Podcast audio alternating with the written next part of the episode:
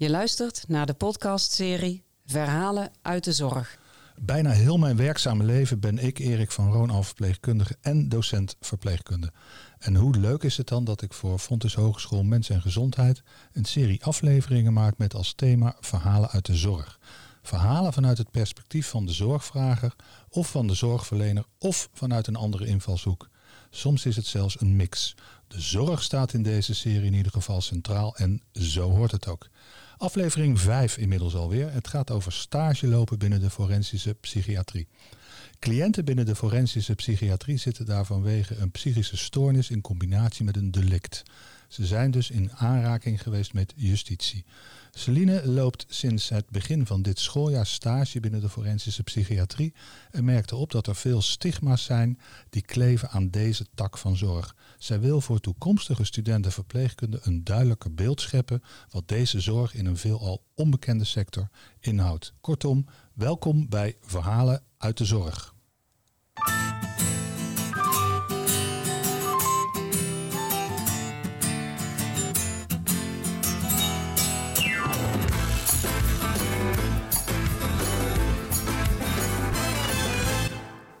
Celine, hallo. Hallo. Daar zit je. Ja, Wij kennen elkaar. ja klopt. Ik ben eh, collega docent en jij bent collega student. We zijn collega's van elkaar.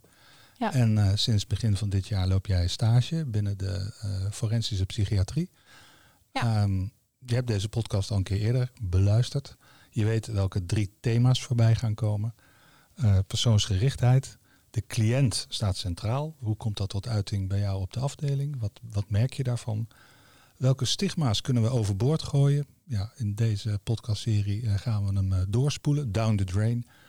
En er is altijd een vraag waarbij eh, een moment in de zorg gekoppeld wordt aan muziek, wat voor emotie zorgt. En nou goed, je hebt een, een lekker nummer uitgekozen, laat ik het zo zeggen. Ja, Maar ik ben alweer veel te veel aan het woord. Vertel, verhalen uit de zorg, cliëntgerichtheid. ja, ehm, ja waar moet ik beginnen? Ehm, Ja, Ik eh, ben dus sinds septe- september stage aan het lopen binnen de Woensel Sport in Mhm. eh, Eindhoven, een forensische kliniek. Mhm. Ehm, ik wist van tevoren echt eh, totaal niet wat ik daar moest verwachten. En ja, daarom wilde ik ook graag hier vandaag aanschuiven om te vertellen over hoe het mij deze maanden is bevallen. met als doel. Met als doel toch wel toekomstige studenten van de opleiding, maar ook anderen te laten zien of alvast een inkijkje te geven in hoe het eh, daar is. Mhm. En misschien ook iets van spanning weg te nemen die ik zelf wel eh, heel erg voelde voordat ik daar ook maar een kijkje binnen had eh, gehad. Hoe, hoe, hoe, hoe kwam dat tot, tot uiting bij jou? En wanneer? Ja, ik denk dat ik in de zomervakantie te horen kreeg dat ik daar stage kon gaan lopen. En dan zaten er Mhm. nog wel een aantal weken tussen voordat ik met de afdeling ehm, contact had. Dus dat ik Mhm. iets meer wist hoe het eraan toe ging en hoe de begeleiding zou zijn. Ja, dan ga je natuurlijk googlen en dan ga je opzoeken waar de psychiatrie inhoudt. En vooral het forensische stukje ook. En dan kun je best wel spannende verhalen tegenkomen. Mhm. Ja, en dan ga je natuurlijk allemaal wilde verhalen bedenken van ja, is dat dan wel veilig? En ehm, sturen ze daar zomaar studenten naartoe? Mhm, Hoe gaat het mhm. er dan aan toe? En ik had bij mij was eigenlijk pas die onrust een beetje weggenomen toen ik dus het eerste gesprek had gehad. En daar zaten dus een aantal weken tussen. Ja, ja, Tussen eh, de, het bekend worden van oké, je ging naar de Woenselse Poort. Ja. Eh, mensen met een achtergrond Ja. in aanraking geweest met justitie. En de- dat, dat riep reacties bij jou op. ja Van, zeker. oh. Zoeken, zoeken, zoeken, zoeken. Ja. Oké. En wat zou je eh, toekomstig studenten aanraden? Hoe, vertel. Ja, nou, dingen die bij mij best wel binnenkwamen was dat het misschien onveilig zou zijn. Of Mhm. dat eh, die cliënten daar heel gek zijn en eng. En ja, eigenlijk van allerlei vooroordelen komen er meteen in je op. Mhm. Ehm, ja, en dan kom je er daarachter dat het allemaal een stuk ehm, rustiger en veel beter, eh, veel beter begeleid is dan ik van tevoren had eh, verwacht. En ja, die echt stap voor stap mee wordt genomen in het proces van stage lopen daar binnen zo'n setting. Mhm. Ik was best wel bang dat ik daar in het diepe gegooid zou worden en dat ik meteen ehm, bij die cliënten zou komen en dat ik zelf niet zou weten hoe ik me een houding aan moest nemen. ik was ook bijvoorbeeld bang dat ik veel te soft zou zijn van karakter om daar te kunnen werken. En dat ik misschien omvergeblazen zou worden door die Mhm. cliënten. Mhm. En dat bleek allemaal ongegrond. Ja, zeker. Want? Ja. ja, nou ook in het eerste gesprek dat ik had met begeleiding daar, die gaven me eigenlijk al meteen een spiegel voor van ja, waarom is soft slecht? Waarom Mhm. misschien is dat juist wel een hele fijne manier van communiceren. En Wa- waarom is dat slecht? Of niet slecht? Nee, ik had zelf gewoon een beeld van die cliënten die daar zitten van stoere, eh, ja, een beetje boze misschien personen die, je die je zo omverlopen of die je misschien uit gaan schelden. Mhm. En ik dacht, ja, als ik dan ehm, meteen in elkaar stort of ik ben meteen bang of ik eh, laat over me heen lopen, dan, dan zo heb ik daar misschien niks te zoeken. En zo heb ik het ook echt aangegeven bij mijn eerste gesprek. Mhm. En toen werd er meteen eigenlijk gezegd van ja, waarom moet het iets slecht zijn dat je wat zachter bent van jezelf en dat je wat softer bent. En daar kom ik nu dus ook echt achter in de eerste weken. Eh, dat, ja, dat het juist ook heel goed kan werken. En dat net zoals in het echte leven is dat je met de ene misschien net iets beter klikt dan met de ander. Maar Mhm. ja, dat juist eh, je eigen bejegening geven, dat dat juist mooi maakt. Mhm. Mhm. Ja. Had dat voorkomen kunnen worden? Want je hebt een aantal weken in, ja, in, in, in angst, kan ik dat zo zeggen? Ja, nou, het was een beetje dubbel. Aan de ene kant was het heel erg nieuwsgierigheid, had ik er heel veel zin in en vond ik het ook juist heel spannend. Maar aan de andere kant was het ook wel een stukje angst inderdaad van, ja, wat gaat me daar te wachten staan? Eh, ga ik Mhm. er niet elke dag tegen opzien, want dan duurt een jaar natuurlijk wel lang. want jij loopt een jaar stage, want je bent ook tegelijkertijd aan het afstuderen. Ja, klopt. Jouw afstudeeropdracht, of het afstudeerproces, ik zoek even het woord, ik ben het woord kwijt. Ja, scriptie. eh, Ja, ja, dan- Sorry. Eh, dat doe je ook op de, op de afdeling, ook in de, eh, op de forensische psychiatrie. Ja, klopt. Ja. Ja, dus eh, alles bij elkaar, meteen een jaar lang het complete pakket. Mhm. En ook vandaar dat ik wel dacht, als je ergens terechtkomt ja, waar je niet naar je zin hebt of waar je niet, niet past, dan duurt een jaar echt lang en dan ga je er misschien met tegenzin naartoe. Mhm. Maar ja, uiteindelijk is me er dus echt 100% meegevallen en ben ik echt, echt Ja. aan de hand genomen daar. Dus En je gaat er met plezier naartoe, je bent goed begeleid. ja, echt heel veel plezier. Ja. Oké. Hoe, hoe kan, je, kan, je, kan je ons meenemen in hoe, hoe, hoe ziet een dag eruit? Eh, S morgens dan eh, ga ik met mijn auto een half uurtje naar de kliniek toe. Eh, dan kom ik daar aan, dan ga ik eerst door de beveiligingspoorten. Ik denk dat dat best wel iets is waar in een normale stage niet zoveel voorkomt. Nee, denk het niet. Nee, dus dan druk ik op een eh, bel en als die op rood gaat, dan moet ik eh, al mijn spullen door een soort van beveiligingsband zoals je die op Schiphol hebt, om te Mhm. kijken of er eh, geen metalen, scherpe voorwerpen, Voor, iedereen die de afdeling binnenkomt of de woensdagsport binnenkomt, geldt dat? Ja, maar het is bij ons dus als medewerker steeksproefgewijs. Dus je kunt ook groen krijgen en dan kun je gewoon Oh, op die manier. Ja. doorlopen. Dan ga je nog wel door een detectiepoort, maar dan wordt er gewoon gescand op metalen, geloof ik. Mhm.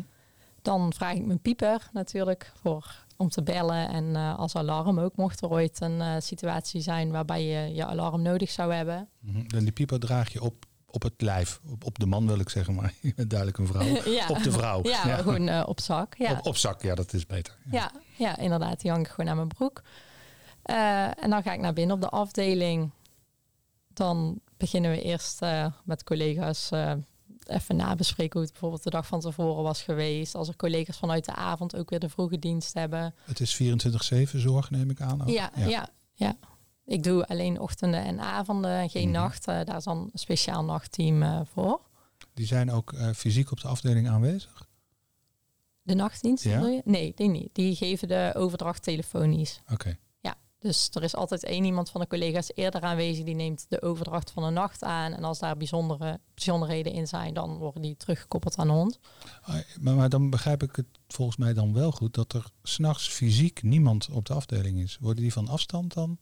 Ja, ja er is gewoon een eh, centrale kamer eigenlijk waar de nachtdienst zit. En die kunnen met camerabeelden kunnen die eh, ja, de afdeling bewaken. En de meeste deuren zijn gewoon op slot. Dus Zoals in de serie 100 dagen in, de, in, je, in je hoofd ja, ja, ook te zien is. Ja, ja, ja. klopt. Oké, en dat geldt ook voor de woensdagsport. ja, ja, er zit wel volgens mij een eh, eigen nachtpost binnen de Woensel Support. Mhm. Maar dat is wel vergelijkbaar met die eh, in 100 dagen in je hoofd, inderdaad. Ja. Oké, nou dankjewel. Ja, ik, ik ben gewoon heel nieuwsgierig, dus ik wil het ook Ja, allemaal weten. ja dat mag. En de luisteraars ook. Ja, en eh, dan eh, gaan we rond een uur of acht een wekronde lopen. Dan kloppen we bij iedereen aan. eh, zeggen we ook de urinecontroles aan. Mhm. Ehm, Want urinecontroles? ja, die worden gedaan om te controleren of iemand bijvoorbeeld gebruikt heeft. Want heel vaak zijn de psychische stoornissen in combinatie met gebruik. Dus eh, bijvoorbeeld alcohol of drugs wordt er dan getest in de urine. Ehm, dus die worden aangezegd, vaak ook de avond van tevoren al, maar s ochtends nog een keertje, zodat iedereen eraan denkt om hem op tijd in te leveren. En wat bedoel je met aangezegd? Ja, gewoon tegen de cliënten gezegd van, ja, bijvoorbeeld vandaag een controle, want die zijn Dus- vaak twee maal in de week of zo Ja, per ja, oké. cliënt. Ja. Ook weer steekproefsgewijs. Eh, ja, ja, want ze weten dus eigenlijk niet de dagen van tevoren wanneer ze die controle zullen hebben. Mhm. Oké. Ja, en dan om half negen hebben we een dagstart. Eh, dan doet een van de collega's die vertelt op de groep met de cliënten, een soort van woonkamer is het, vertel, wordt er verteld wat er die dag eh, op het programma staat, bijvoorbeeld aan activiteiten. Mhm. En kan een cliënt ook zijn verlof aanvragen.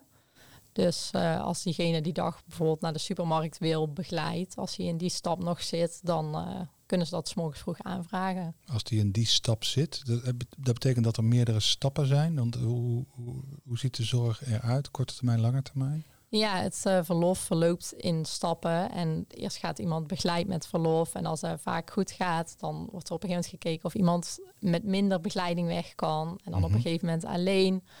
En zo wordt dat in stappen ja, opgebouwd eigenlijk. En iemand die individueel verlof heeft, die hoeft niet meer 's morgens vroeg aan te vragen om die dag verlof te mogen hebben. Ja, dus zo gesloten als ik dacht dat de onze support zou zijn, zo gesloten is, is het niet. Nee, nee ja, het is natuurlijk eh, die afdeling waar ik sta is ook een resocialisatieafdeling. Dus is de Mhm. bedoeling dat mensen weer, cliënten weer terug richting de samenleving gaan. Die zitten Mhm. vaak ook al langere tijd in het systeem. Ehm, dus ja, het is dan ook fijn dat het verlof zo in stappen kan gaan, zodat iemand niet zomaar over een paar jaar buiten staat en zich geen raad weet met de maatschappij. Oké, en buiten die resocialisatieafdeling waar jij staat, zijn er ook andere afdelingen? Er is, ehm, ja, in Nederland heb je eigenlijk vier eh, beveiligingsniveaus voor de forensische zorg. En waarvan vier het zwaarste is en eh, één het laagste of nul is volgens mij de thuissituatie. En onze afdeling is eh, niveau 2, dus eigenlijk ertussenin een brugfase tussen eh, de zwaardere zorg en de resocialisatie. Mhm. En op het terrein is er ook een niveau 3 afdeling. En zijn er woningen waar iemand dan eigenlijk begeleid zelfstandig kan wonen en die vallen onder niveau 1. Oké, oké. Ga verder met je ochtend. Ja, Ik breek af en toe wel in met vragen. Vind je ja. erg, hè? Nee, zeker niet. Dat is eh, alleen maar leuk. Anders vergeet ik ze namelijk, ik ben al wat ouder. Dat mag, dat mag. Ehm, ja, en dan eh, begint vaak het dagprogramma. Soms eh, kan het bijvoorbeeld zijn dat we in de tuin gaan werken met cliënten. Dan kunnen we daar bijvoorbeeld in de moestuin werken, dieren verzorgen. Ehm, ja, eigenlijk gewoon een soort dagbesteding.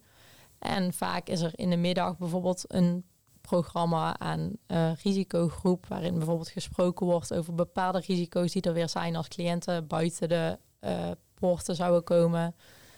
Maar er kan ook naar arbeid gegaan worden door cliënten. Dat is eigenlijk maar net hoe de dag individueel wordt ingevuld. En daarin zit je dan ook weer heel erg op de persoonsgerichte stukje. Mhm. Dat eigenlijk echt voor elke cliënt individueel wordt bekeken van wat is er nu goed voor hem of haar. De een die is bijvoorbeeld heel erg gebaat bij sport, dus die kan vaker gaan sporten als Mhm. therapie zijnde.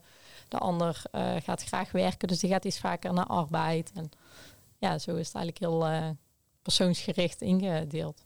Ja, zorg op maat. Ja, En eh, als ik kijk naar het behandelteam, eh, de behandelaars, is, ik neem aan dat dat multidisciplinair is. ja klopt. Hoe, hoe ziet een behandelteam eruit? Wie zit er allemaal in zo'n behandelteam die dat, dus die, die, die, dat, dat persoonlijk individuele zorgplan samenstellen? In overleg met de cliënt? Ja, ja. Ehm, ja, er is altijd een psychiater, een psycholoog en verpleegkundige en eh, ja, sociale werkers eigenlijk. Mhm. En één keer in de twee weken wordt er een eh, multidisciplinair overleg gehouden waarin iedere cliënt langs wordt gegaan om te kijken in welke stap diegene zit, hoe het team er tegenaan kijkt van de verpleegkundige en de sociaal werkers. Mhm. En dan sluit vaak de psycholoog en de psychiater ook aan natuurlijk om ook mee te bekijken hoe het... ehm, Ieder vanuit zijn staat. eigen eh, specialisme. Ja, ja. ja. En de Hoe behandel- gaat dat? Ja, er wordt gewoon echt eh, cliënt voor cliënt nagelopen. En eh, mocht je dan een aanvulling hebben die bijvoorbeeld relevant is voor waarom jij iemand wel ehm, in staat acht om naar buiten te gaan of waarom juist niet op dat moment, dat wordt allemaal Mhm. meegenomen. Maar de behandelaar, dus de psycholoog en de psychiater, die hebben daar uiteindelijk wel de eindverantwoordelijkheid eh, in. Ja, die zijn eindverantwoordelijk voor de medische behandeling. Ja, volgens mij wel. Ja, ja. Ik zeg al, ik werk er natuurlijk ook nog maar een paar maanden. Dus het zijn allemaal wetgevingen en zo. Ik weet het niet precies. Maar eh, volgens Nou, mij is de behandelaar... eh, Onder de indruk, want je, je, ik zie jou zitten en je straalt. En je bent echt vol eh, passie, enthousiasme ben je Ja. aan het vertellen. ja, Hoe anders is dat in vergelijking met toen je hoorde dat je naar deze afdeling toe ging? ja, ja, ik had echt niet verwacht dat ik me er zo op mijn gemak zou voelen inderdaad. Ja, ja. Ja, hoe fijn. echt eh, heel fijn inderdaad. Oké, en dan? Ja, dan eh, komt meestal om kwart over twee de eh, avonddienst al eh, aan. Dan is er dus een overlap tot eh, kwart over vier. Dus dat is twee uur lang. En dat is vaak ook een tijd waarin er dan op verlof gegaan wordt. Omdat je dan eigenlijk met een dubbele bezetting staat. Waarin er dus meerdere teamleden aanwezig zijn. Mhm. Dus als er dan een verlof plaats moet vinden die dag, dan is het handig om het op dat moment te doen, zodat je wel met genoeg personen op de afdeling blijft. En dan eh, is het avond en dan gaan cliënten vaak zelf koken. Ehm, medewerkers die koken ook voor zichzelf. Dat is ook een fijn moment meestal om contact te leggen, om samen in de keuken bezig te zijn. Ehm, ja, dan wordt er gegeten. Soms eten cliënten op hun kamer, soms wel gezellig mee op de groep. En daarna ja, is het avond en dan worden er vaak nog wat spelletjes gedaan. Of er wordt eh, gesport in de sporthal twee keer in de week. Mhm. Ehm, ja, eigenlijk toch wel proberen om zoveel mogelijk sociaal contact te hebben, ook met de cliënten en ook onderling. Om bijvoorbeeld samen een film te kijken in het weekend. Of eh, samen iets te bakken. Of ja, het is een beetje gewoon echt een, een thuisgevoel te geven. Ik hoor jou heel vaak het woord samen gebruiken. Ja, Samen, samen, samen. ja. Ja, er wordt gewoon heel veel in groepsverband eh, gedaan, inderdaad. En dat is ook wel heel mooi om te zien als je bijvoorbeeld gaat sporten. Dan ja, is er gewoon echt een, een fanatisme en twee groepen tegen elkaar. En Dat is altijd met sport. ja, maar ik merk vooral... Het sport om te winnen. Ja, het is gewoon heel mooi om te zien hoe cliënten daar dan ook in meegaan. En ook Mhm. dat je zelf je ook gewoon een van hun voelt. Gewoon, het is gewoon echt een groepsgevoel. Mhm. Ik, heb een, eh, ik heb een goed beeld hoe zo'n dag er, eh, eruit ziet. Denk de luisteraars ook. Stigma's. Of muziek. Jij mag kiezen. Welke van de twee doen we eerst? Ehm, ja, misschien kunnen we met stigma's eh, beginnen. Die, wel- welk stigma eh, met betrekking tot eh, forensische psychiatrie kan wat jou betreft overboord of genuanceerd worden? Nou ja, dan ga ik toch voor waar ik persoonlijk mee worstelde. Dus dat het idee dat je ehm, echt hard moet zijn en fel moet zijn om daar te kunnen werken. En vooral ook omdat die gericht is op studenten. En ja, ik ben het daar gewoon eh, echt niet mee eens. En juist, er zit heel veel kracht in kwetsbaarheid. is ook een van de eerste boeken die, ik aangeraden, die me aangeraden werd om te lezen toen ik daar eh, begon. Dus juist omarmen hoe je zelf bent. En iedereen heeft daar zijn eigen werkwijze. Dat is ook een mooie eraan dat het zo'n grijs gebied is. Dus dat je echt zelf moet leren Mhm. hoe je ergens mee omgaat. En eigenlijk is elke persoonlijkheid goed. Zeg maar, als je maar kunt verantwoorden waarom je handelt zoals je handelt. Oké. Dus die zou ik graag eh, weg willen spoelen. Nou, dan komt het eh, toiletgeluid. Die gaan we wegspoelen bij deze. Hoor hem gaan.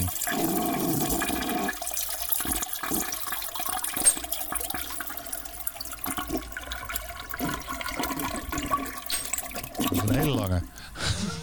Dat is een heel groot Maar dat is in ieder geval weg, hè? Hij is in ieder geval weg. Dat was een, eh, dat was een, een, een mooi stigma die je eh, ja, niet helemaal overboord hebt gegooid, maar je hebt, hem, eh, je hebt het wat genuanceerd.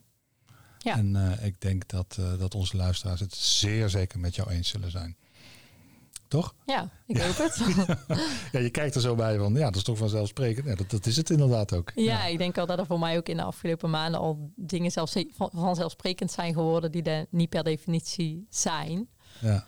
Maar ja, dat is ook wel leuk aan in zo'n wereld betreden natuurlijk. Dat je gewoon dingen ziet die je normaal niet zou eh, meemaken. Ja, ja, precies. En daarom ben ik ook heel blij dat jij eh, eh, aanbood om hierover te komen vertellen. Zo van, ja, wat de, de, de- daar- ja, dat, gevoel wat jij had, dat wil ik niet dat anderen, ja, dat is onterecht in ieder geval. Ja. Je hoeft helemaal niet, ja, Ja, vooral ook echt voor de begeleiding. Je wordt gewoon echt stapje voor stapje meegenomen in de setting. En eh, het is niet dat ze je meteen voor de leeuw gooien. Nee. En het was ook gewoon heel anders dan in andere stages. De eerste weken echt alleen maar op je handen zitten en nog niks doen. Alleen Mhm. maar contact leggen en eh, gewoon hele kleine momentjes aangrijpen om even iets te zeggen. ja.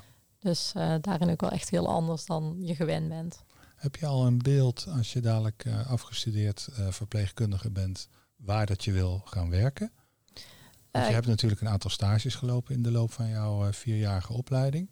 Heb je, eh, heb je een beeld ja, waar je naartoe wilt? Ja, ik heb altijd gezegd dat ik praktijkondersteuner wilde worden bij de huisarts in de Mhm. geestelijke gezondheidszorg.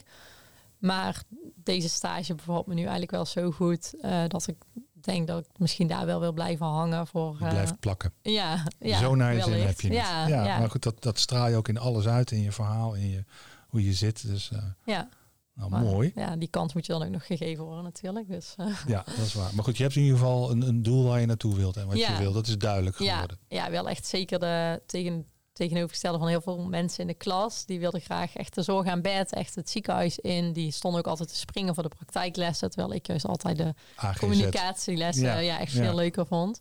Dus eh, ja, zo zie je maar weer dat je ook met verpleegkunde dan heel veel kanten op kan. En dat je wel terecht komt waar je Ja, moet zijn. Want je, je wordt inderdaad ook, eh, je doet de HBOV, je wordt opgeleid tot een eh, beginnend beroepsbeoefenaar. En dan in, ja, in de breedste zin van het woord. En dat is het mooie van al die stages. Ik ben nu een beetje reclame aan het maken voor de opleiding. maar- maar dat je dan inderdaad uiteindelijk toch eh, ja, ja, de, de keuze gaat maken op basis van jouw stages. Ja, ja En zeker. ja, je zat al een beetje in die richting, hè? praktijkondersteuner GGZ. Ja.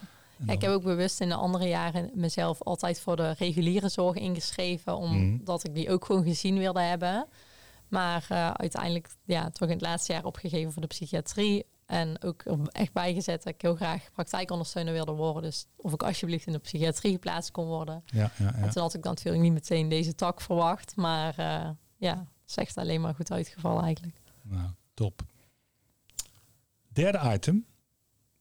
Cliëntgerichte zorg hebben we gehad. Stigma overboord dan wel weggespoeld.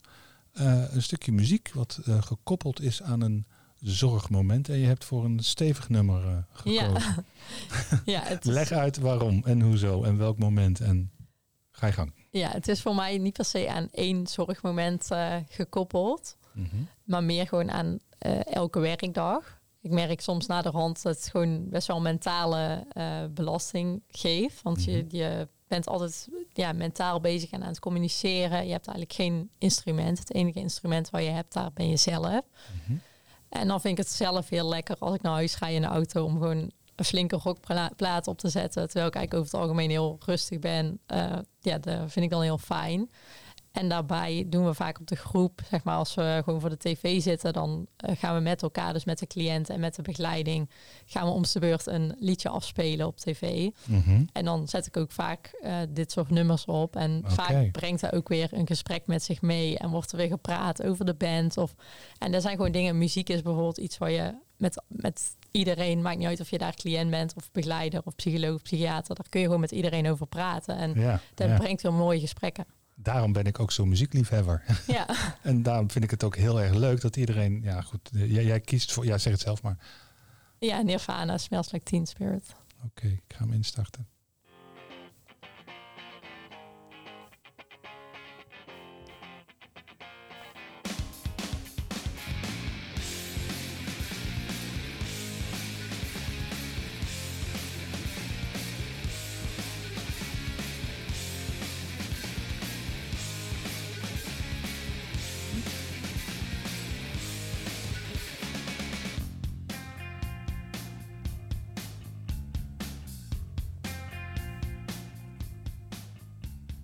Heerlijke muziek.